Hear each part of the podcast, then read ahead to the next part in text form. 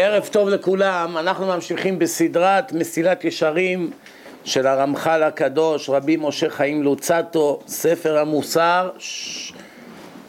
מהחזקים ביותר שנכתבו, אם לא החזק ביותר, בערך לפני מעל 200 שנה זה נכתב, ובשבוע שעבר, אם אתם זוכרים, אנחנו הגענו עד ל... אנחנו בפרק י"א מידת הנקיות. אדם צריך שיהיו לו ידיים נקיות ולב נקי. נקי מגזל, נקי מעבירות, כדי שיזכה לעלות בהר השם, כדי שייכנס לעולם הבא, יקבל את מקומו בגן עדן, וגם בעולם הזה מצבו יהיה חיובי ולא שלילי. דיברנו בכל מיני דוגמאות, ממש לקראת סוף השיעור דיברנו על מאכלות אסורות. דברים שאסור לאכול, תולעים, עניינים, שחיטה, בשרים וכולי, שאדם צריך לדאוג טוב טוב מה נכנס לו לפה, זה לא צחוק, שחושבים, אה, לא נורא, מה אכלתי כבר, כן? אדם צריך לדאוג טוב טוב שלא ייכנסו לו דברים לא כשרים לפה. עכשיו, אנחנו מדברים, התחלנו בדיוק ממש שורה או שניים, אמרתי שהשבוע אני אדבר על זה, חטאים שאנשים עושים בקבוצה. זאת אומרת, אם אין קבוצה אין חטא. מה גרם עכשיו לעבירה? שהתקבצו כמה חברים ביחד, לכם זה נוגע מאוד. חבר'ה יורדים לשכונה, יושבים בספסלים, כן, אחד מציע לעשן, פתאום יש לו חומר, קנה, איזה, אני יודע, איזה סוחר עבר במקרה בשכונה, נו, מי בא איתי, מה, אני לא רוצה לבד, זה משעמם לבד, וזה, והוא מדרדר אותך, ואתה מדרדר, מדרדר את השלישי, והוא מדרדר עוד אחד, ככה זה, איך אומרים, התקבצו ביחד. תרבות אנשים רעים, חטאים, ככה כתוב, כולם מתקבצים ביחד. עכשיו, בואו נראה מה אומר הרמח"ל, כמובן שום דבר לא ממני, אני רק קורא ומתרגם, כן? הוא מדבר עתה על החטאים המצויים, הנולדים מחברת בני אדם וקיבוצם, שמתקבצים ביחד, בני אדם, כגון הונאת דברים, בעברית פשוטה, מסתלבטים אחד על השני. אה, מותח אותו, צוחק עליו, צוחק על התספורת שלו, על הבגדים שלו, מה זה, פה, שם. הוא צוחק עליו, הוא צוחק עליו, בסוף לפעמים זה מגיע לסתירות, למכות, לקללות וכולי, כן? הלבנת פנים, מבייש אותו ליד כולם, וכולם צוחקים, הוא מרגיש, וואו, איזה בדרן אני, כן? הכשלת עיוור בעצה, נותן עצות רעות לחבר'ה, וכולם אחריו נופלים לתוך האש של הגיהנום, כן? רכילות, אחד הלך, מתחילים ללכלך עליו, שנאה, אם אין אנשים לידך, אז אין את מי לשנוא, אתה לבד בודד באיזה מערה, את מי תשנא? כשאתה בא במגע עם אנשים, אתה מתחיל ליפול בשנאה, בנקימה, בנטירה, בהמון עבירות שיש בתורה, כן? אה, שבועות, שווה, לא מאמין, שווה לי, לא מאמין לך, תנדור, זה, אז אחד נשבע לשני וכולי. והכי גרוע, חילול השם. כשאתה עושה איזה מעשה וכולם מסתכלים ותראה איזה יהודי והוא בישיבה והולך לשיעורים ותראה איך הוא מתנהג, תראה מה הוא עשה, איך זה יכול להיות וכולי, כן? אז יש כמה עניינים, למשל, אם היה בעל תשובה, אם אחד מהחבר'ה מתחזק, כל החבר'ה האחרים בהנחה והם כבר יודעים את האמת. אם הם לא יודעים את האמת, מה אתה רוצה מהם? חיים בחושך, בשקר. מה אתה מצפה מהם? שיבינו אותך, שאתה שומר שבת, ששמת כיפה, ציצית, איך הם יבינו אותך? הם חושבים שאתה משוגע. איך אומרים בארץ? מה, התחרפנת? מי מת? מה קרה? שטפו לך את המוח? יש כל מיני ביטויים לזה. הוא חי בחושך, אז הוא לא מבין. אבל אנחנו מדברים על כל החבר'ה עכשיו יודעים, כולם פה באים לשיעורים, כולם שומעים פעם, פעמיים, שלוש בשבוע, משתתפים בשיעורי תורה, שומעים דיסקים, רואים ש... כל מיני דברים, לא יום יומיים, זה חודשים. אז את האמת כבר כולם יודעים, אף אחד לא יכול לבוא ולהגיד, אה, אני לא מאמין, יש בורא לעולם, אין בורא תורה אמת, תורה שבעל פה, יש לי ספקות, עברנו את השלב הזה. אז אם אחד מתחזק עכשיו, האחרים אחריו, מיד מתחילה קנאה. אמנם הקנאה עצמה היא חיובית, זו הקנאה היחידה שהיא חיובית, שכתוב בתורה קנאת סופרים תרבה חוכמה.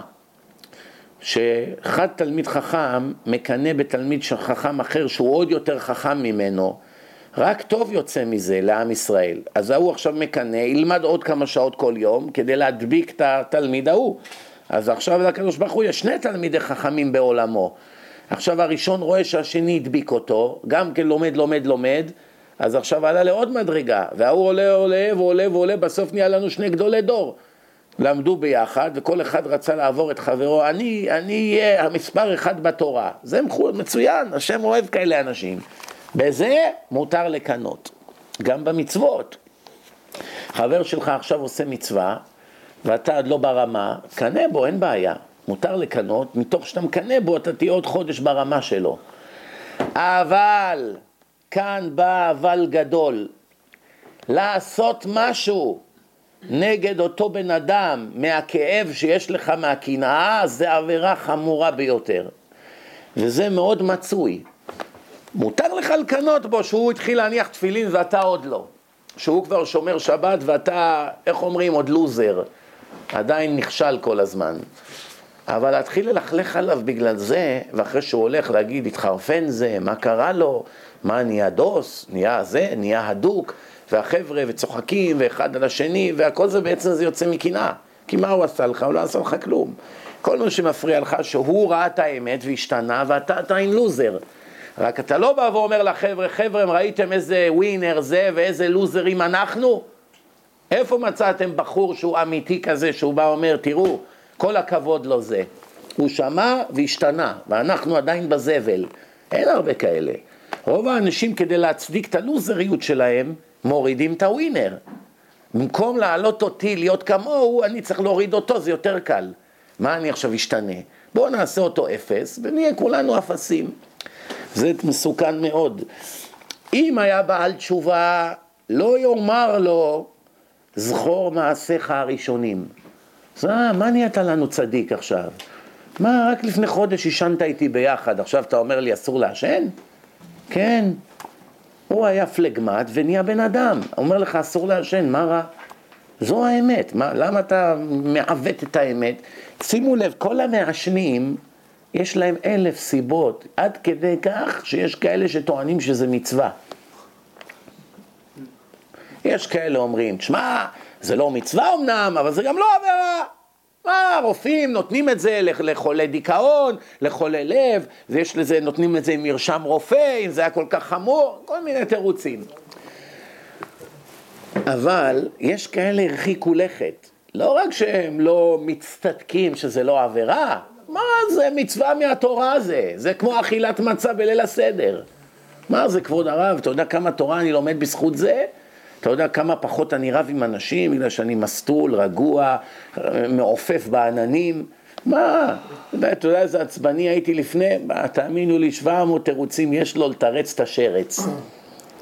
די, צא מהדמיונות.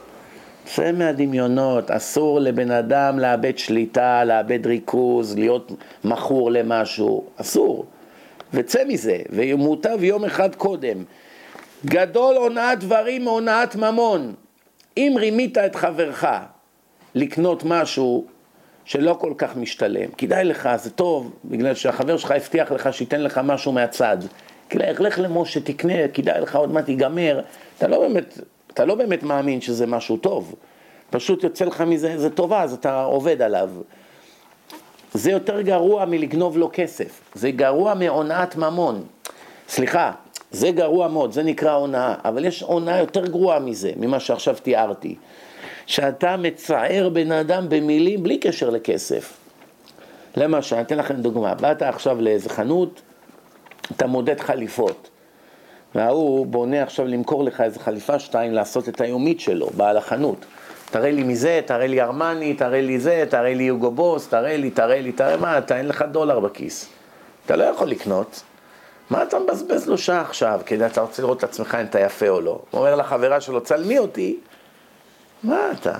אתה מצער בן אדם, זה נקרא הונאת דברים. תראה לי זה, אני מבטיח, אני אבוא, לא, שכחתי את ה credit card, אני עוד מעט חוזר, חכה לי, אני עוד עשר דקות אהיה פה. מה?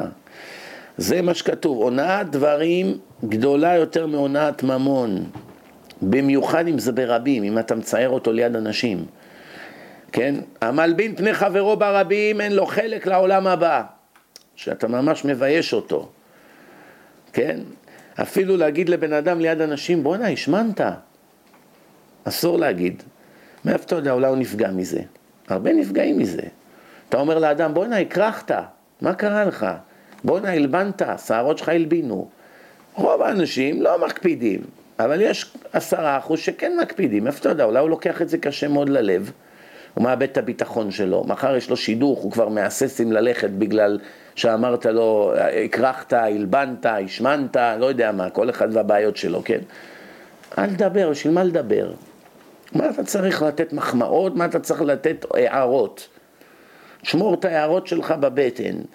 רב חיסדא אמר בבבא מציע נ"ט, כל השערים ננעלו חוץ משערי הונאה. הונאה זה לצער בני אדם, כן? אמר רבי אלעזר, הכל הקדוש ברוך הוא נפרע על ידי שליח, כל העבירות שאדם עושה, הקדוש ברוך הוא מעניש אותו דרך מי שהוא. דרך גוי, דרך הבוס שלו, דרך אשתו, דרך הבן שלו, דרך השכן, דרך איזה גנב שעבר. זה הקדוש ברוך הוא, תאונה, מישהו פגע, כל מיני דברים. הונאה, הקדוש ברוך הוא נפרע בו ישירות, בכבודו ובעצמו, לא עלינו. ואמרו, שלושה הן הפרגוד ננעל בפניהם, ואחד מהם זה הונאה. ועוד דבר, הוכח תוכיח את עמיתך. מה זה הוכח תוכיח את עמיתך? אתה רואה יהודי מחלל שבת, אתה שומר, חבר שלך מחלל, אל תתעלם. תעשה את כל מה שאתה יכול כדי להציל אותו. בוא'נה, יש לי טפ טוב, יש לי דיסק טוב, כדאי לך לשמוע. לא, לא, אין לי זמן. כדאי לך. לא, לא, אין לי זמן. למה, למה? סך הכל שעה, תשמע הרצאה. לא, לא, אני עסוק, מה, איפה יש לי זמן עכשיו, אני צריך לעבודה וזה, טוב. קח עשר דולר, השעה שאתה מרוויח, שב תשמע את הדיסק. שווה לך, חבר שלך. שלמת עשרה דולר, נתת לו שעה מנוחה מהעבודה, בעבודה, בזמן הזה הוא ישב, שמע את הדיסק. עכשיו יש סיכוי, 20, 30, 40 אחוז שהוא יתעורר, ישפיע עליו מה שהוא שמע. מבין, מחלל שבת, אין לו חלק לעולם הבא, הרי הוא כגוי, כל מה שכתוב בתורה, בגמרא, בהלכה, הוא פתאום קלט. רוב האנשים מחללים כי הם לא יודעים מה זה. תציל את הבן אדם, הזמין אותו לסעודת שבת, תעיר אותו בבוקר, בוא בוא לבית כנסת, תנסה פעם אחת. הוכיח תוכיח, זה לא רק זה, זה גם להגיד לבן אדם דברים שהוא צריך לתקן. עכשיו כל אחד אומר, מי, מי אני לתת לו מוסר? אני בעצמי על הפנים, אני בעצמי צריך להשתפר, נכון? אז יש דרך לעשות את זה. אתה בא לבן אדם, אתה אומר לו, אני יכול להגיד לך משהו, אתה מרשה לי. אני יותר גרוע ממך, אני לא אומר לך בגלל שאני טוב ואתה רע ואני מלמד אותך איך צריך להיות. אני בעצמי צריך להשתפר. אבל אני אומר לך ממה שאמרו לי, אסור להיות גאוותן. לא כדאי להגיד אני ואני, בזכותי, אני סידרתי, אני עשיתי, אתם חייבים לי, זה. צא, תוציא את זה מהדיבור. הקדוש ברוך הוא מתעב גאוותנים, אני בעצמי עובד על זה. אז הוא לא נפגע. למה? אם אתה בא ואומר, אני ואתה שנינו אפסים, אז הוא לא נפגע. אם אתה בא אליו בתור 100 והוא אפס, הוא נפגע, האגו שלו נפגע. הבנת? כל דבר אפשר להשיג מהאדם, רק צריך לדעת איך. תמיד כשאתה בא להגיד ביקורת, תתחיל במחמאות. רציתי להגיד לך, שמתי לב שאתה מתפלל מאוד יפה ואתה ירא שמיים, אתה בא בזמן, תמצא משהו טוב עליו. ואתה מקפיד ואף פעם לא מדבר בתפילה, רק שמתי לב שאתה לא שם את התפילין נכון. מישהו אמר לי, אני בעצמי הייתי עושה את זה. איך אומרים, הוא מרגיש שאתה בא בכנות, שאכפת לך ממנו. אבל אם אתה בא אומר לו, מה, אתה לא יודע להניח תפילין? עשרים שנה אתה מניח, אתה שם ככה? מה, מי לימד אותך להניח תפילין? בטח שהוא ייפגע. במיוחד אם הוא גאוותן. בקיצור, כל דבר ודבר מצווה עלינו לתקן זה את זה בדרך נעימה, דרכיה דרכי נועם, וכל נתיבותיה שלום, לא במריבות, לא בלהוריד אנשים, ולעולם אל תחשוב שהוא פחות צדיק ממך. גם אם אתה עושה על פני השטח הרבה יותר ממנו. למה? כי יכול להיות שהתיקון שלו והניסיונות שלו הרבה יותר קשים משלך. הוא השיג 40 אחוז, אתה השגת רק 30 אחוז. על פני השטח נראה שאתה הרבה יותר צדיק, אבל היצר הרע שלך הרבה יותר קטן משלו. אתה גדלת בבני ברק, בירושלים, כל הזמן, דודים, דתיים, אבא, אימא, דוד, סבא, הוא גדל בקיבוץ, מה הוא ראה בחיים שלו? השפן קיבל נזלת, חולבים פרות בשבת, ברפת, מה הוא ראה בחיים שלו? פתאום מישהו בא, דיבר איתו על לשמור מצוות, הוא מנסה עכשיו. אתה משווה אותך אליו? הוא עושה מה שהוא עושה לפי היכולת שלו, הוא עושה 40-50 אחוז. אתה לפי היכולת שלך עושה רק 20 אחוז. הוא בשמיים עדיף עליך, אף על פי שאתה שומר ברמה יותר גבוהה ממנו. לכן לעולם אל תשפוט אדם עד שלא תהיה בתוך נעליו, חז"ל אומרים. עד שלא תהיה במקומו. למה? אם אתה לא במקומו, לעולם לא תדע את הקושי שלו. שני יהודים באים לשיעור תורה. אחד במקום חוזר בתשובה. שעה וחצי שמע, מיד חוזר בתשובה. בא אליי אחרי ההרצאה, פשש, אני עמום. טוב, תסביר לי מה לעשות, איזה ספרים לקנות, איפה ללמוד, איפה, איך, איך לשמור שבת. שיעור אחד, בום. השני בא, מילימטר לא זז. מה כולם אומרים? צדיק, רשע, יעקב, עשיו, לא בטוח. לא בטוח. זה כבר נשמה גבוהה מאוד, היא ירדה לתיקון קטן בעולם. קצת שמע דברי תורה, כל האבק ננער ממנו. תעורר לחיים. ההוא מסכן כבר שבע דורות, שבע גלגולים רשע. שבע גלגולים. גל, גלגול של מי יודע מי הוא. אתה יודע עכשיו השיעור תורה הזה בשבילו, האחוז שהוא משתנה עכשיו, אתה יודע איזה דבר גדול זה? אז אם ככה תגידו, אם ככה, אז מה אני בלחץ?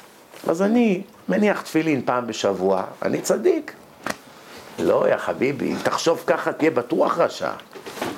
אתה לא יודע מי אתה. אתה יכול לקחת סיכון? אתה צריך לקחת את כל האנרגיה שלך, כל הכוח שלך, לשעבד את התאוות שלך לקדוש ברוך הוא. לאמת. יש יצרן, אני היצירה ואני מחויב לבורא שלי וככה הוא כתב לי ואין לי ברירה, זהו. איך אומרים? You can't beat him, join him. להילחם בך אני לא יכול, תן לי לפחות להרוויח ממך משהו. כמו אחד שהוא משרת, יש לו בוס אכזר בבית, נאמר, והוא קשוח מאוד, והוא רועד ממנו. הוא אומר, תשמע, עם הבוס הזה אי אפשר, אין, אין מה לעשות. כל טעות, סתירה, הורדה במשכורת, זה, אין מה לעשות. אז להשיג איתו, שום דבר אין לך. אתה לא יכול להתווכח איתו, למה לא באת בזמן? היה לי פאנצ'ר, לא עובד.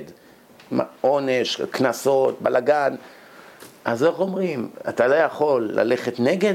תהיה איתו. אתה צודק, כל הכבוד, סליחה, מחילה, אני אשתדל. תרוויח משהו. תרוויח ממנו משהו. אפילו שקשה. על האחת כמה וכמה שהקדוש ברוך הוא, הוא לא הבוס האכזר הזה, הוא אוהב אותנו, בנים אתם להשם אלוקיכם, וכל כך הרבה דברים כתובים על היחסים שלנו והקדוש ברוך הוא בתורה, שאין ספק שהקדוש ברוך הוא בחרה, בח, בח, אה, ותרן ואוהב אותנו וכולי, והכל מה שהוא עושה למעננו, למען יטב לך ולבניך, כן? נתקדם הלאה. עוד עצה פה הרמח"ל, לא, לפני עיוור לא תיתן מכשול. אחד שיש לו חולשה לעישון, אל תדבר איתו על עישון ואל תדבר איתו על מישהו שיש לו עכשיו אה, מה לעשן. אל תזכיר את זה לידו. אחד שרואה וויסקי הוא משתולל, אל תביא וויסקי לידו. אחד שאתה יודע שהוא גנב, אל תשים דברים יקרים ותשאיר אותו בחדר. אחד שיש לו תאוות נשים, אל תביא בחורות, בדודה שלך, דודה שלך אליו לדירה. כל אדם לפי התאוות וה, והחולשות שלו. הבנת? אתה יודע שהחבר שלך שונא מישהו, אל תביא את השונא לידו. למה? הוא יתחיל מיד לדבר לשון הרע, תכשיל אותו, כן? אפילו אדם שאוכל לא כשר כל הזמן, אל תכניס אותו למסעדה לא כשרה. למה? הוא במילא ילך לשם. מה, הוא צריך אותך? הוא במילא אוכל לא כשר. אל תהיה שותף לעבירה. זה נקרא מסייע לדבר עבירה. אפילו שהוא במילא אוכל. מה, הוא צריך אותי להיכנס למקדונלד? הוא במילא יום יום שם. לא משנה, אל תיקח אותו. קח אותי טרמפ למקדונלד, אסור. תשאיל לי את האוטו שלך לשבת, אתה במילא לא נוסע בשבת, אסור. אסור. תלווה לי, אני, אין לי כסף, אני צריך לנסוע לדודה שלי מחר בבוקר, שבת מחר, תלווה לי, אסור להלוות לו. כי אם לא תלווה לו, הוא לא ילך. עכשיו הלווית לו, יחלל שבת כל השבת. בזכות זה שלא הלווית לו, הוא לא חילל. אה, הוא מחלל במילא כל הזמן, לא משנה, נסיעה באוטו זה חילול הכי גרוע שיש. כל לחיצה על הגז זה מיליון סיגריות. זה הבהרה כל הזמן. זה כל לחיצה על הברקס, איתות, לחיצה, אורות, מדליק אור, זה לוחץ על ה-GPS, כל לחיצה זה חילול שבת בפני עצמו. כל פעולה זה סקילה. כל פעולה. הדליק, סקילה. הדליק את האוטו, סקילה. לחץ על האיתות, סקילה. לחץ על הברקס, סקילה. עוד פעם על הברקס, סקילה. גז, סקילה. מיליונים של סקילות בנסיעה אחת. ועל הכל חייבים לשלם, אין הנחות. מה אתה נותן לו 100 דולר? הוא יחזיר, הוא לא גנב. אבל בגלל שנתת לו הלוואה, הוא התחייב בעוד מיליון עבירות קשות. זה, כל זה, צריכים להפעיל את הראש. אבא שלך אומר לך, לך תקנה לי סיגריות, אסור. זה הורג את הבן אדם. אסור. לא יכול, אבא, אני לא מרגיש טוב, חולה. למה? הוא ילך לבד, או שכן או שלא, אולי לא, אולי הוא מתעצל, קר, זה, להתלבש, לרדת. לך תקנה לי, אסור. לך קנה לי עיתון של זנות, של לשון הרע, אסור. הבנת? איך אומרים? אם אין לך ברירה, מה, חצוף, כפוי טובה, אני אגרש אותך מהבית, יש כאלה הורים. אין ברירה, אל תן לו את זה ביד, תניח על השולחן. לא, אני, לא, אני לא מאכיל אותך חזיר, לא נותן לך סיגריות ביד. הבנתם? אני מכיר מישהו, אבא שלו כל פעם שהוא נוסע לארץ, תביא לי מלברו מהמטוס, זה רבע מחיר. הוא לא מביא לו. הוא אומר, אבל איזה טיפש אתה, אני קונה פה בחנות פי ארבע. הוא אומר, לא משנה, תקנה פי חמש. אני לא נהיה שותף להרוג את אבא שלי. לא עוזר לו. הבנת? אבא שלך כתב לך בצבא, תשמע, אני יודע מה, שאני מת, תשרוף את הגופה שלי, תפזר את האפר שלי על הים, או תוציא לי איברים, תחלק אותם לכל מיני ערבים. מה, אתה, אז מותר לך לשמוע בקולו? בגלל שאבא שלך היה פלגמט, מותר לך עכשיו לשתף איתו פעולה? מה פתאום? יש אחד כתב בצוואה שלו, תקראו, תברו אותי עם הפנים למטה. לא למעלה כמו כולם. פנים למטה, הפוך, גוף, ראש באדמה. באו לרב משה פיינשטיין, האם אני מחויב בכיבוד אב? כתב לי אבא שלי כזה דבר. הוא אומר לו, מה פתאום, יש הלכה, לא יכול ללכת נגד ההלכה. אבל הוא כתב, זה מאוד חשוב לו, קבור אותו למעלה. מה מסתבר בסוף? שהאדם הזה היה מלשין של הקומוניסטים ברוסיה. שנים הוא היה מרגל בקהילה היהודית ומוסר לבולשיביקים ולקומוניסטים יימח שמם את כל הסודות של הקהילה היהודית כדי שיוכלו להרוג אותם ולהטיל עליהם גזרות ולתפוס כל מיני כאלה שקיימו את הדת, הרי זה היה נגד החוק ומי שעשה ברית מילה, הוא היה מלשין עכשיו הוא כבר עמד למות, אז איך אומרים, כדי להכניס ליהודים את הסכין האחרון, הוא אמר לבן שלו, תקבר אותי עם הפנים ברצפה, והוא אמר לרוסים, תראו את היהודים איך הם התנקמו בי, כי זה נגד חוקי המדינה לקבור עם הפנים למטה גם ברוסיה. תראו איך היהודים התנקמו בי, יקברו אותי עם הפנים על הרצפה כדי לבזות אותי. תראו, ככה הוא אמר, ואף אחד לא ידע מזה. והרב משה פיינשטיין אמר לו בשום פנים ואופן, קבור אותו למעלה, פתאום אחרי שקברו אותו, אחרי כמה שעות הגיעו החיילים, תפתחו את הגופה, של, את הקבר של הבן אדם הזה. פתחו, והוא היה עם הפנים למעלה. אמר להם המפקד, יש לכם מזל, הגיעה אלינו שמועה שקברתם אותו הפוך. אם הייתם קוברים אותו הפוך, היינו שולחים את כל הקהילה שלכם לסיביר לכל החיים. הלכה. מה אתם רואים פה? לא נותנים לעיוור, לא משתפים איתו פעולה. אחד אומר, אני רק הסעתי את המחבל לבית קפה שהוא התפוצץ שם. אני סך הכל נהג מונית, מה קיבלתי? 200 שקלים? מה, אני רוצח? אני בחיים שלי לא הרגתי זבוב. אם לא היה לוקח אותי בתור נהג, היה לוקח מישהו אחר, מה? היה תופס איזה מוסטפא אחר שיסיע אותו. מה אומרים לו בבית משפט? 20 שנה מאסר. אומר, אבל מה, בשביל 200 שקלים ונסיעת במונית אתם נותנים לי 20 שנה מאסר? כן, ידעת שהוא הולך לפוצץ, השתתפת בפשע. נכון, הוא היה לוקח נהג אחר, חסר, המחבל יכל לנהוג בעצמו גם. השתתפת בפשע, אפילו בעקיפין, אתה פושע. לא מנעת פשע, אתה עוד יותר פושע. זה גם בחוק היום, לא רק בתורה. זה נקרא לא תעמוד על דם רעך. אתה יודע, מישהו הולך להתפוצץ ואתה לא אומר, לא תעמוד על דם רעך, כן? חייב אדם להעמיד את הבא להתייעץ איתו על האמת. חבר שלך בא להתייעץ איתך, רק מה, אם תגיד לו את האמת אתה תפסיד מזה. חבר שלך אומר, תגיד, הדבר הזה זה עבירה בתורה או לא? אתה יודע שכן. אבל אם תגיד לו שכן, הוא לא יבוא איתך לדיסקוטק מחר בלילה. אתה בנית עליו, יש לו אוטו. עכשיו, אם אתה תגיד לו אסור, אז הוא, הוא יגיד, אה, אם אסור אז אני לא בא. אם הוא לא יבוא אז תצטרך לשלם מונית. אז מה אתה אומר לו? לא, זה לא נורא. זה בסדר. שמעתי שיש איזה רב מתיר. זה לא האמת, זה מה שטוב לך, לא מה טוב לו. כן? לפעמים בישיבה אתה יכול להיות ראש ישיבה, בא תלמיד, שואל אותך, כבוד הרב, אני רוצה לעבור לישיבה יותר מתקדמת, ברמה יותר גבוהה. עכשיו, אתה יש לך תועלת ממנו. מה התועלת? הוא מלמד אצלך בישיבה את החלשים בחינם. גר, לומד שם, עובד שם. אז הוא, איך אומרים, הוא חוסך לך לתת משכורת לרב אחר. אז הוא כבר שם, הוא מלמד.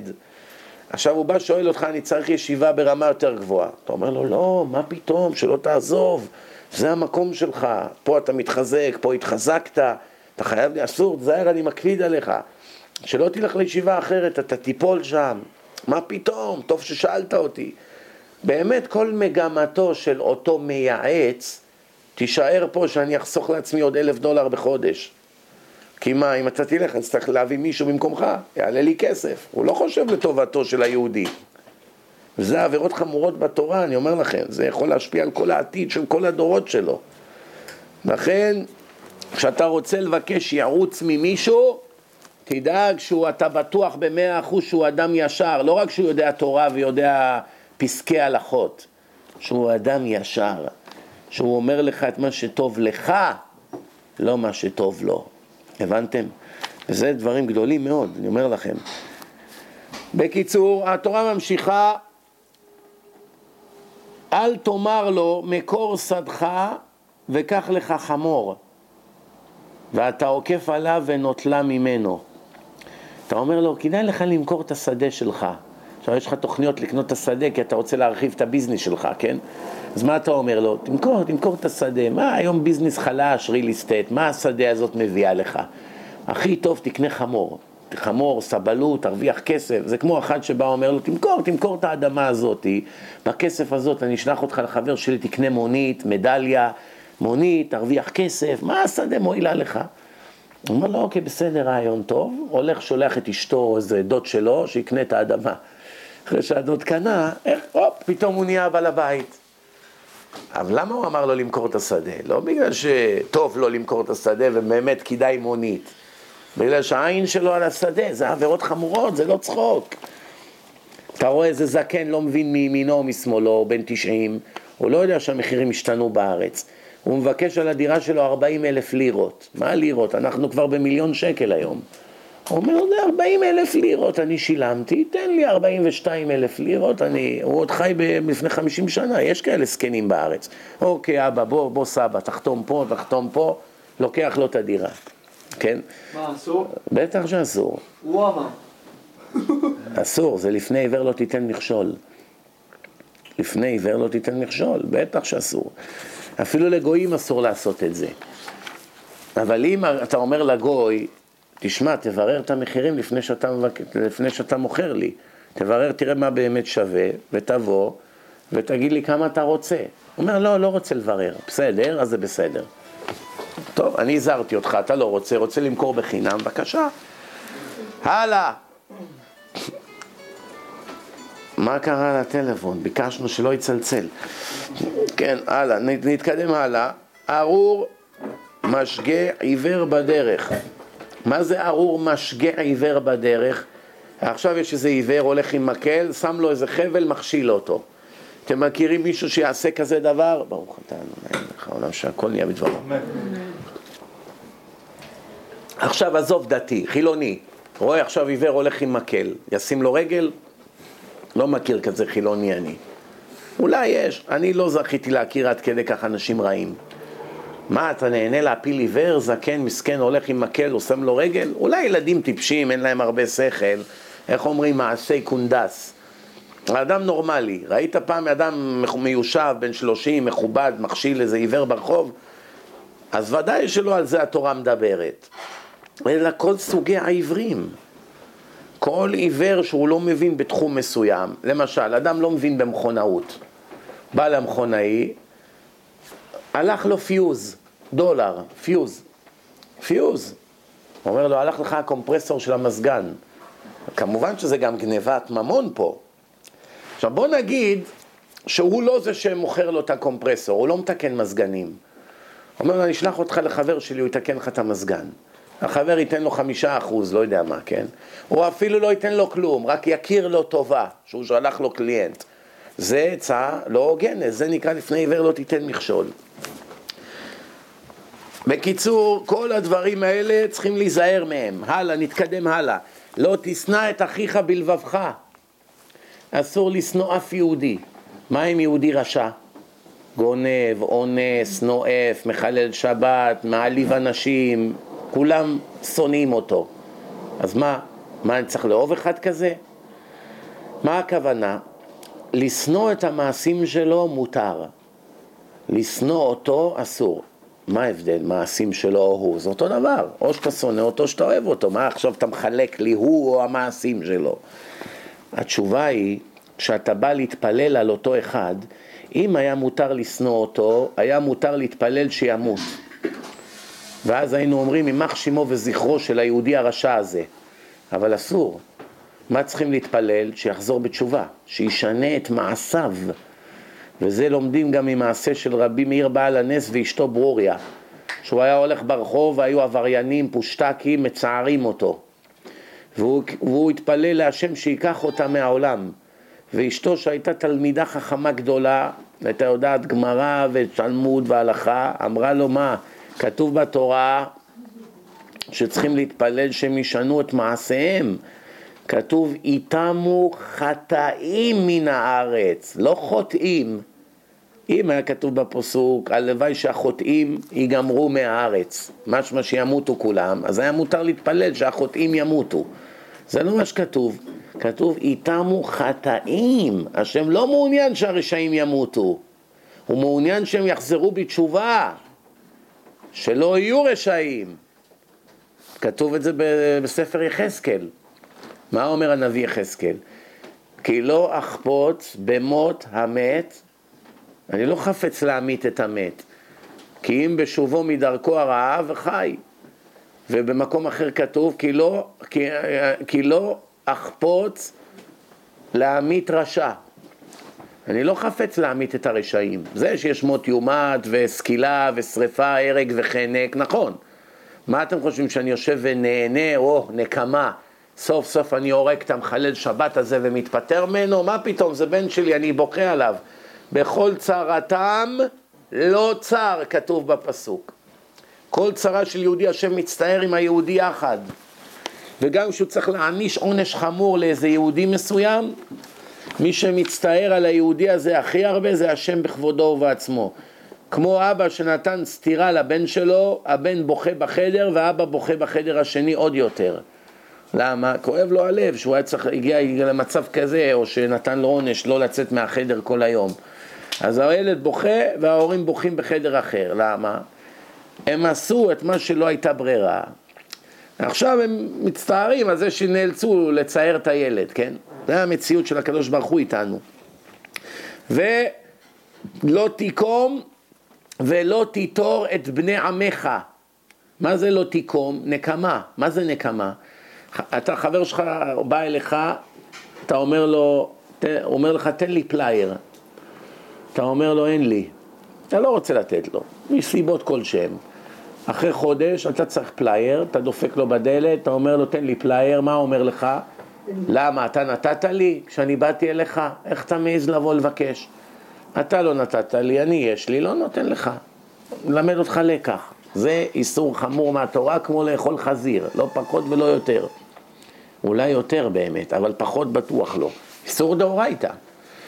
מה זה לא תיטור? נוטרי העיר זה שומרי העיר, ליטור זה לשמור. נוטר, נוטר טינה זה אחד ששומר, שומר בלב, כן? אז מה זה לא תיטור? אחרי חודש אתה בא לבקש ממנו פלייר, אומר אני לא כמוך, הנה אני נותן לך, אני שביקשתי לך לא נתת לי, אבל אני לא כמוך, הנה קח, תהנה. אז מה, לכאורה הוא אחלה גבר, לא? איזה גבר, הוא לא שמר לי, נתן לי בשעת צרה. לא גבר ולא כלום. הוא עכשיו עשה איסור מהתורה, קצת פחות חמור מנקימה, קצת פחות, זהו. עדיין איסור מהתורה, גם זה חזיר. זה חזיר, זה שרימפס. הבנתם? עכשיו, יש בני אדם, שימו לב מה כתוב כאן, דברים, אני אומר לכם, מזעזעים, שאומנותם ממש היא השקרנות. כל הזמן משקרים, חולי שקר, כבר מאמינים לשקרים של עצמם, שקר מוליך לשקר ושקר שלישי לתקן את השני ואת הראשון, שקר רביעי לתקן את השלושה הקודמים, עובד, מבלף, כל האומנות שלו שקר. אפילו שהוא כבר יכול לעשות מכירה בהגינות, ברגע האחרון הוא זורק איזה שקר כדי גם שגם זה לא יהיה כשר. זה כבר, איך אומרים, התמכר אל השקר. ומה כתוב בתורה? מדבר שקר תרחק, אין היתר. מדבר שקר תרחק. שימו לב, אני קורא לכם מילה במילה.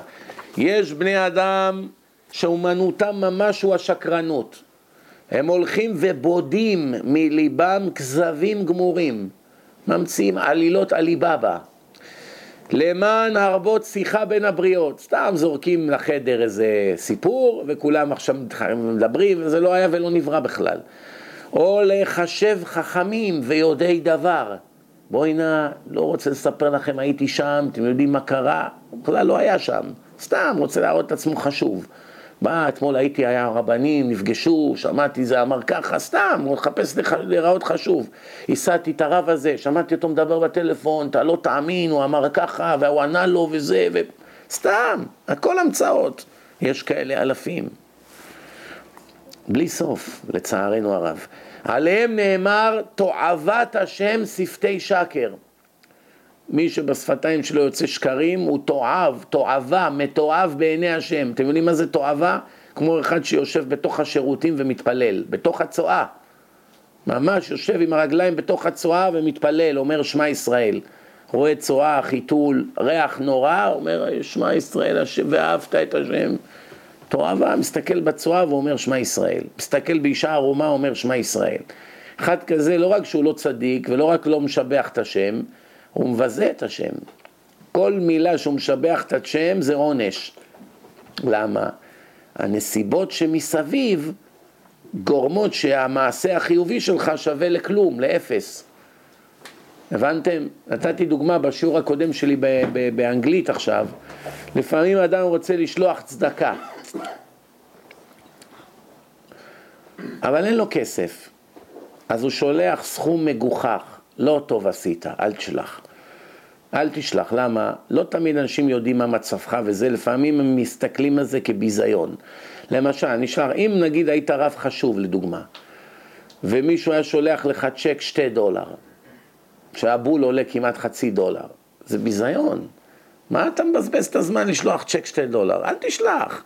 תחכה שתראה אותו באחד ההרצאות, תשים בקופסה שתי דולר, בסדר.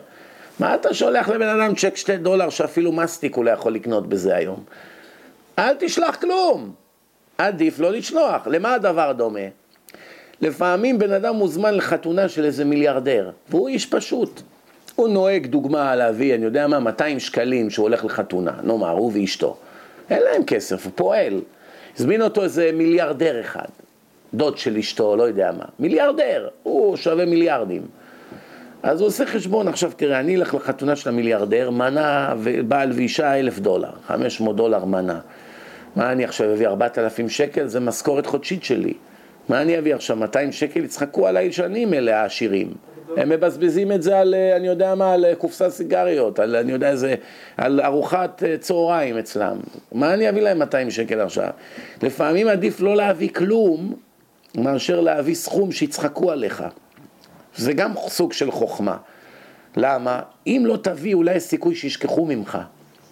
אם תביא סכום שהם צוחקים עליו, לא יפסיקו לצחוק עליך, במיוחד אם הם גאוותנים. אם הם אנשים הגונים שמבינים שאתה עני ואדרבה מכבדים כל אדם, אין בעיה. בסדר, אתה יכול גם להביא כמה ספרים, גם טוב. הבנתם? אבל לפעמים אני אומר, אם אתה יודע שהאדם הזה, האף שלו בשמיים, והוא מזלזל בעניים, ואין לו כבוד, והוא חושב שהוא הקדוש ברוך הוא, עדיף לא להביא כלום, לפעמים גם עדיף לא ללכת. כן? צריך להפעיל שיקול דעת. אומר הנביא, שפתותיכם דיברו שקר, לשוניכם עוולה תהגה, מלשון הגה, יוצא לו מהפה, עוולה. גזרו חכמים ארבע כיתות אינם מקבלות פני שכינה. ארבע סוגים של אנשים. אחת מהם כת שקרנים. לא יזכה לראות משיח, לא יזכה לראות בקרבת הקדוש ברוך הוא אליו, סייעתא כלום. למה? כל הזמן שקרים. כל הזמן משקר.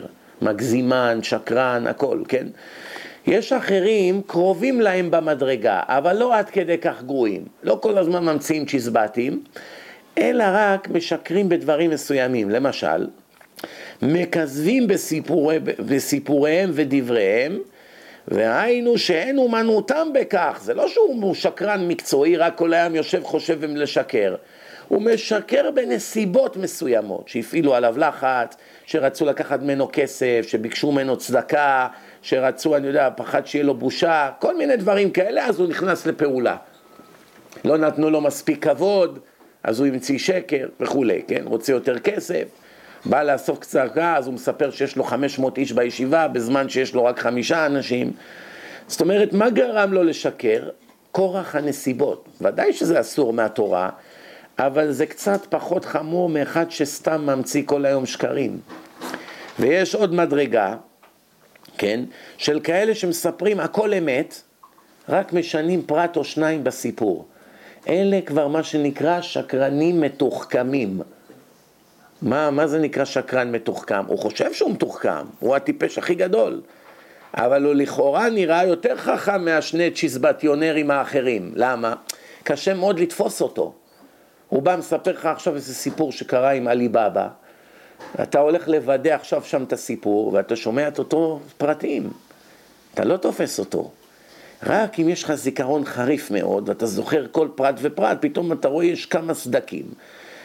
יש חוקרים חזקים מאוד במשטרה, יודעים את מי לבחור, שהם מאוד מתוחכמים.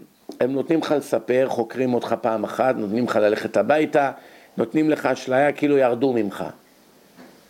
בינתיים משכיחים אותך שלושה חודשים, עוד, עוד פעם קוראים לך חקירה. בינתיים הכל מוקלט, הכל, יודעים כל פרט שאמרת. ספר עוד פעם מה היה שם באותו לילה. אתה מספר הכל, כמעט אותו דבר. פרט או שניים, אתה לא, אתה לא זוכר את כל הפרטים. ואז הם יודעים שאתה שקרן. למה? מי שזה באמת קרה לו, הוא לא יכול לשכוח. הוא יודע, יש לו סרט בראש. הוא זוכר את כל הפרטים, אי אפשר לשכוח. מי שהמציא סיפור, הוא לא זוכר בדיוק לחזור על אותו סיפור, אז פתאום יצחק נהיה משה. או פתאום מהאימא הוא אמר אבא. מספיק שהוא שינה פרט אחד בסיפור, זה אבא שלו בא וצעק, ועכשיו הוא אומר אחרי שלושה חודשים, אימא שלו באה וצעקה. הנה, אתה יודע שהוא שקרן. אז אלה שקרנים מתוחכמים, הכל אותו דבר, רק פרט אחד הוא לא אומר לך. הוא אומר לך הכל אמת, דבר אחד הוא לא אומר לך. הבנתם? ואז מה קורה? הכל משתבש אצלך. הוא בא למכור לך איזה סרוויס, הוא אומר לך ככה, הבנק יעשה בשבילך ככה, ככה פה, העמלה היא ככה, זה יעלה ככה, זה פה, ואם תעשה ככה, אז תיזהר לא לעשות, הכל אומר לך, ואתה, הוא איזה אמין זה, תראה, אמר לי את כל הפרטים. בסוף הוא לא, הוא רק מה הוא אומר לך, הוא לא אומר לך פעולה אחת, שכל מה שהוא אמר לך זה רק לכרטיסים שיהיו באמריקה, אבל אם זה מחוץ לארץ אתה משלם פי שלוש. פרט אחד הוא לא אמר, הוא יודע שכל הביזנס שלך זה מחוץ לארץ. אז מה? רק פרט אחד לא אמרתי. זה מזכיר לי את הבדיחה על השטחן, שאמר לאיזה אחד, יש לי בשבילך בת של מיליונר, כל החיים תוכל לשבת ללמוד תורה, לא תצטרך לדאוג. אומר לו, כן? אומר לו, כן, יש רק איזה בעיה אחת קטנה. אומר לו, מה? אומר, אומר לו, לא, היא, היא צולעת, אומר לו. אומר לו, צולעת? טוב, בסדר. אחרי זה הוא אומר לו, טוב, הוא אומר לו, תשמע, האמת, יש עוד איזה בעיה, הוא אומר לו, כן, עין אחת שלה פוזלת. הוא אומר לו, אבל אבא שלה מיליונר, לא צריך לעבוד, לא צריך הכל, כסף יגיע לך כמו שעון, מכונית, בית, הכל. מה עוד? תגיד הכל. טוב, מגיעים וזה, אומר לו, אה, כבוד הרב, לא אמרת לי גם שהיא שמנה. תראה איתה, 300 קילו, זה לא אמרת. אמר לו, אתה יכול לצעוק, היא גם לא שומעת טוב, אתה לא צריך ללחוש. טוב, בקיצור, טוב, ההוא אין לו ברירה, עכשיו הוא בחתונה, אומר, יאללה, תמות נפשי עם פלישתים. איך אומרים, כאשר עבדתי, עבדתי. לפחות יהיה לי, אני אוכל ללמוד תורה, נו, אז לא יהיה לי אישה. יהיה לי הכנסה לפחות. הולך, למחרת בבוקר הוא יושב, פותח עיתון, רגליים על השולחן, היא באה ככה עם העין שלה וצולעת, וקושי זזה. מה אתה עושה? הפלגמט שכמוך, קום לך לעבוד. מה לעבוד? אבא שלך מיליונר. מה מיליונר? אבא שלי נהג אוטובוס. מה נהג אוטובוס? אבא שלך מיליונר, הוא הבטיח לנו עשרת אלפים דולר בחודש קצבה, לא? בית, מה? מה פתאום? אבא שלי לא גומר את החודש, הוא צריך מאיתנו עזרה עוד. התקשר לשטחן, מה רמאי שכמוך הרסת לי את החיים. הוא אומר לו, רגע, רגע, רגע, לפני שאתה כועס. אמרתי לך שהיא צולעת? אמרתי. אמרתי לך שהיא פוזלת? אמרתי. בסוף אמרתי לך גם שהיא שמנה? אמרתי. אמרתי לך גם שהיא חירשת? אמרתי. אז דבר אחד לא אמרתי. פרט אחד לא דייקתי. יש הרבה כאלה בעולם. מספר לך את כל הדברים כאילו שהוא אמין. פרט אחד הכניס לך את החרב עד הסוף. הבנתם? אסור להיות ככה, השם רואה הכל. ומה עוד? אומר ככה,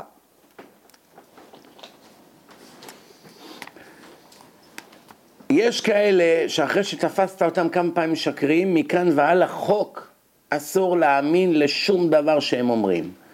גם כשהם אומרים את האמת ויש מישהו אמין לידם שמאשר, אסור להאמין להם. אם ראית לפחות שלוש פעמים שאדם נתפס קבוע כשקרן, אסור יותר להאמין לו בכלום. אני נשבע לך, נשבע לך באימא שלי, נשבע לך באבא שלי, נשבע לך בזה, בא, אתה רוצה שאני אחזיק יד על המזוזה, תביא ספר תנ"ך, שום דבר לא להאמין לו. הלוואי שאני אמות אם לא, אם אני משקר שיקרה לי קר, שום דבר לא מאמינים לו. כבר הוכחת מי אתה. ואמרנו, היהפוך כושי עורו והנמר חבר בורותיו, תן לנו עשר שנים בלי שקרים, נשקול אם לשמוע לך.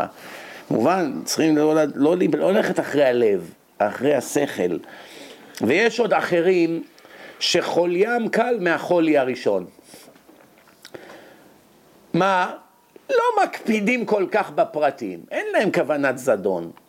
לא באמת רוצים לגנוב, לרמות, לשקר, לקבל כבוד, לא, לא זה, הפרט, זה העניין. איך אומרים, הם מסתלבטים, צוחקים קצת. איפה המפתחות שלי? מה, היה לך מפתחות פה? לא יודע, לא היה פה. מכבס וזה, הנה בוא, קח, פעם הבאה תהיה זהיר, אל תזרוק את המפתחות שלך בכל מקום. אז מה קרה? צחקו קצת, גיחכו, בסוף סתם, מחילה אחי, קח, הנה המפתחות, אל תכעס, סך הכל צוחקים. אתה לא אוהב שעושים לך את זה, אל תעשה את זה לאחרים. למה? שיקרת לדקה. נכון, תיקנת את העבירה, אבל שיקרת. מותר לגנוב על מנת להחזיר, הלכה אסור. הלכה אסור. אדם אומר, אני אלך עכשיו לחנות, אגנוב איזה משהו, אתלה אותו על הקיר ליום אחד, אני צריך אותו ליום אחד, מחר אני מחזיר להם את זה חדש, מכניס בקופסה, מה קרה? זה לא איזה פטיש שעבדתי איתו בסוכה כל היום, שהוא נשחק. לא ראו כלום, תמונה, תליתי אותה, באים לי אורחים חשובים מאמריקה. רוצה לעשות רושם, בא לקוסקו, וואו, איזה תמונה, תביא, 300 דולר, שט, שט, תולה את זה בקיר, שניים, שלוש תמונות, אלף דולר, האורחים, איזה תמונות, איזה יופי. נסעו חזרה לאמריקה, לוקח את התמונות, מחזיר את זה בקופסה, חדש. מישהו הרגיש תמונת שמן, מה קרה? זה על הקיר שלי התקלקל? כלום. אסור. שלא לדבר, שמלה ובגדים, לובש את זה לחתונה, שם את הבושם שלו, כל הג'ל שלו בשערות, כל הערסים עם הסיגריות והאם פו, וככה, מחזיר להם את החליפה, הרס להם חליפה של אלף דולר, הכל כבר מיודעין. אומר, מה עשיתי? זה הפוליסה שלהם, מותר להחזיר הכל. אתה מוכן שיעשו לך בחנות שלך? למה אתה אומר שמותר להחזיר? כדי שיפתחו בך שאתה לא רמאי. שאין לך מה, רק אתה יכול להפסיד. אם אני אמכור לך מוצר פגום, הרי אתה במילא יכול להחזיר לי אותו ולקבל כסף מזומן. אז למה לי לשקר אותך? מה, אני טיפש? אני משקר את עצמי. תחזיר לי את זה מחר ותצעק ותבייש אותי. אז אני, כדי להראות לך שאני אמין, מרשה לך להחזיר כל דבר שלא מצא חן בעיניך. ביודעין שאין לאף אחד סיבה להחזיר לי את המוצרים, כי אני אדם נקי מאה אחוז. אבל אני לא נתתי לכם להחזיר מוצרים בגלל שנהייתי גמח.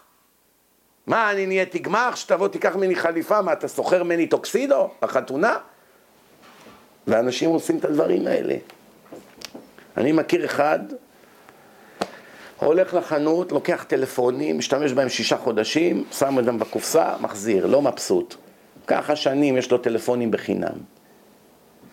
אז מה, אומר, איזה גאון אני, גויים הטיפשים האלה.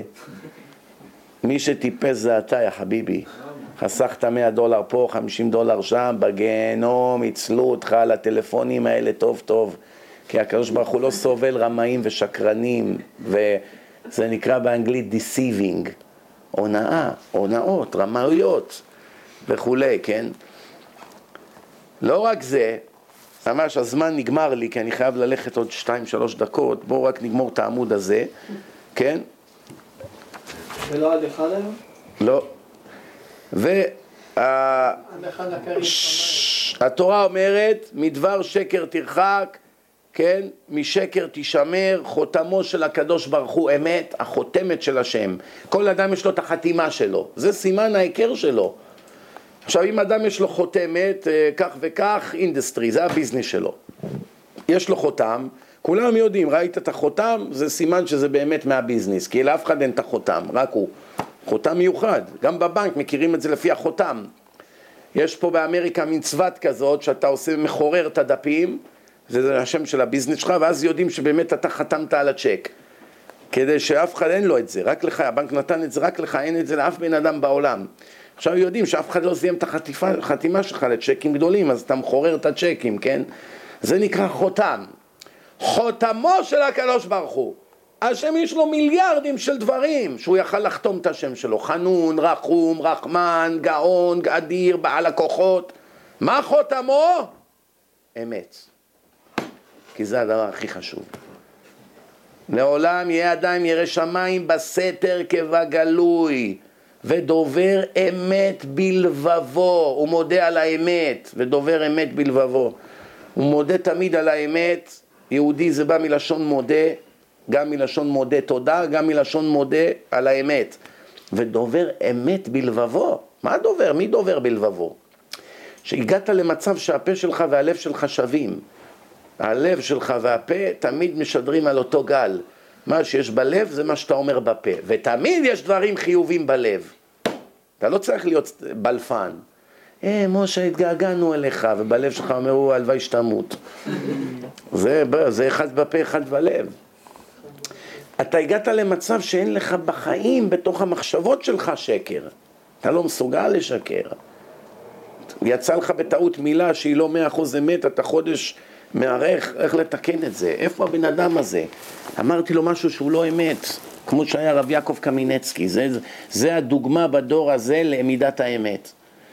מעולם לא יצא לו פעם אחת בחיים שקר אחד מהפה, שקר אחד, סיפרתי לכם פעם עם הדגים, שהוא היה ברוסיה בן 18, הוא התארח אצל המשפחה בערב שבת, האישה הגישה דג בטעם של רעל, איך שהוא טעם מהדג הוא כמעט הקיא אז הוא לא יכול היה לאכול את הדג, והוא אוהב מאוד דגים, אבל הדג הזה היה גרוע מאוד. פתאום האישה יוצאת מהמטבח, ינקלה, אתה לא אוהב את הדג שלי? מה הוא יגיד לה ליד כולם, הדג שלך טעם של רעל?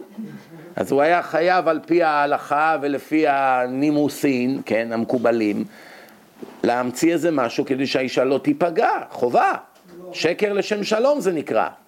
מה אמר לה? אני לא אוהב דגים באופן כללי, בכלל אני לא אוהב דגים, לא שלך, לא אוהב דגים. מאז הוא לא נגע יותר בדג. הרב שלי שהיה מלמד אותי לפני 17 שנה, סיפר לי את הסיפור הזה, שהוא שאל אותו, איך כבוד הרב לא אוכל בשבת דג? יש איזה בעיה בדג פה בישיבה? אמר לו, לא, הכל כשר, הכל מאה אחוז. אז מה הבעיה, כבוד הרב? כך וכך קרה לי שהייתי בן 18, אמרתי לה, אני לא אוכל דגים. ופעם הבאה שבאתי לאכול דג, נזכרתי שאם אני אוכל את הדג זה יהיה שקר. מאז לא נגעתי בדג. או עוד מעשה שהיה איתו, עוד מעשה שהיה איתו. בגיל 90 הוא קנה לעצמו זוג תפילין רבנו תם.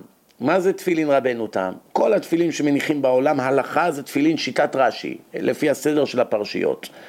רבנו תם זה שיטה אחרת בהלכה, שהפרשייה השלישית והרביעית מתחלפות, והיה עם שמוע ושמע מתחלפות. הכל אותו דבר, רק פרשה שלישית ורביעית, סדר הפוך. ולפי הקבלה זה תפילין של עולמות עליונים וצריכים להניח את שניהם וכולי.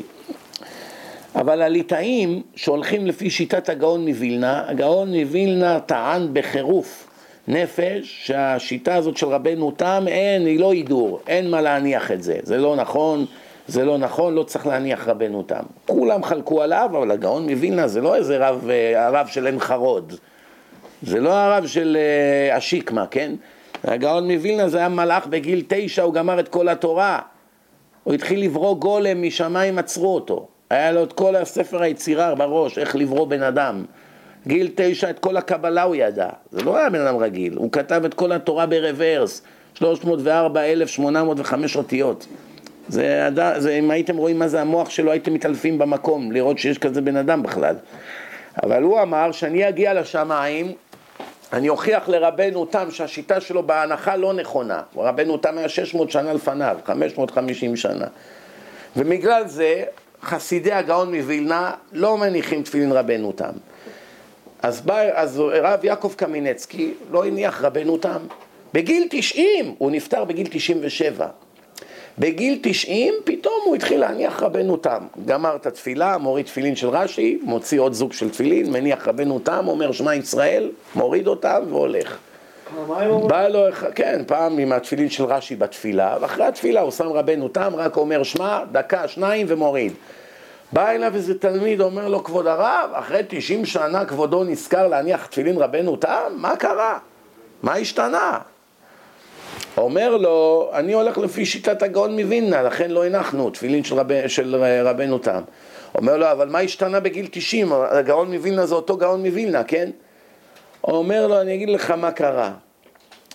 אומר לו, שהייתי בן 50, לפני 40 שנה, שהייתי בן 50, בא אליי תלמיד בישיבה ואמר לי, מה, כבוד הרב לא מניח תפילין של רבנו תם? איך זה יכול להיות, ראש ישיבה חשוב כמוך? אז אמרתי לו, אני הולך, הלכנו לפי שיטת הגר"א, לפי הגאון מווילנה. גר"א זה רבי, הגאון רבי אליהו, ג' ר' א', גר"א, אליהו מווילנה, כן? אנחנו הולכים לפי שיטת הגאון שלא צריך. אומר לו, אבל החפץ חיים, שגם כן הוא ליטאי והולך לפי שיטת הגאון, הוא כן מניח רבנו תם. ליתר ביטחון, מה יש להפסיד? אומר לה, חפץ חיים בן תשעים, שאני אהיה בן תשעים גם אני אניח רבנו תם, אל תדאג. ככה כדי להתפטר ממנו, איך אומרים? בנימוס. פתאום עברו ארבעים שנה, היה לי יום הולדת גיל תשעים, נזכרתי שאני אמרתי לתלמיד הזה בגיל חמישים, כשאני אהיה בן תשעים, אני אניח רבנו תם. שומעים מה זה מידת האמת? ארבעים שנה הוא חיכה, הגיע לגיל תשעים, לא היה לו ברירה, הלך קנה תפילין רבנו תם. ומניח תפילין שבע שנים, הניח תפילין רבנו תם שלא יהיה שקר. שהוא אמר לתלמיד בגיל 90. אפילו שהוא לא אוחז מזה. כלומר, לשיטתו, איך אומרים, זה כמעט, לא רוצה להגיד בזבוז זמן, אבל זה לא חיוב. בוא נגיד, בוא נהיה זהירים בלשוננו. הבנתם מה מדובר פה, מה זה מידת האמת? בדור שלנו, רבותיי, נפטר לפני 15 שנה. גר לידי במונסי, ארבעה, חמישה בלוקים ממני, עשר דקות הליכה. רב יעקב קמינצקי קיבל מנורה מכסף, חנוכיה, מתנה, עומד בחנות של הסילבר, של הכס, דברי כסף. שואל אותו איזה אחד, כבוד הרב, מה אתה עושה פה? אומר לו, אני רוצה שיעריכו לי כמה החנוכיה הזאת שווה, כדי שאני אדע כמה מס לשלם. מה, ממתי מס הכנסה משלמים על מתנה שקיבלת? זה לא כסף, לא הכנסה. לא רוצה ספקות, אולי אני אשאר חייב למדינה, מדינה של גויים, אמריקה. לא רוצה, רוצה להיות מאה אחוז נקי ונגיע לשמיים, לא יוכלו להגיד נגדי כלום. אז נכון, אתם בטח חושבים עכשיו, מה הוא מספר לנו את הסיפורים האלה, מייאש אותנו. אנחנו כל דקה גונבים, כל דקה משקרים, כל, דבר, כל דקה מבלפים. מה אנחנו עכשיו שומעים עכשיו את הסיפורים האלה? אז מה, אני לא מטומטם הרי, אני מקווה שאני לא מטומטם, כן? מה פירוש? אני יודע שאנחנו לא ברמה הזאת. לפחות שנראה כמה עוד יש לעבוד. הבנתם? שנדע כמה צריכים, כמה אנחנו עוד רחוקים, שנתחיל להתעורר, יש עוד הרבה זמן, אתם צעירים עוד. אם לא תדעו שהדרך היא ארוכה, ארוכה והמלאכה המלאכה רבה והבוס דוחק והפועלים עצלים, שומעים? ודובר אמת בלבבו, אחד מעמודי העולם, הבסיס של העולם, הוא מידת האמת. אחד מעמודי התווך של העולם היא מידת האמת. סיימנו להיום, גמרנו עם מידת האמת, אנחנו עדיין בפרקי נקיות, בשבוע הבא אני הולך לדבר בלי נדר, דרך אגב, לא בטוח שיום שני אני אוכל לבוא בזמן, יכול להיות שאני אבוא ב-11.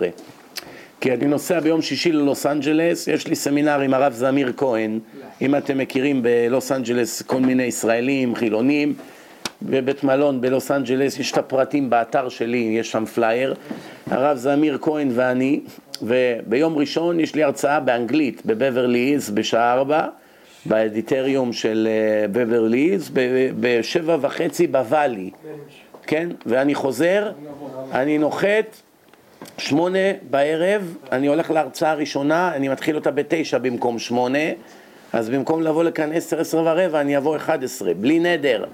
תהיו, תהיו בקשר עם דינה, שהיא תודיע לכם שהשיעור לא יתבטל, כן? ברוך אדוני לעולם אמן ואמן.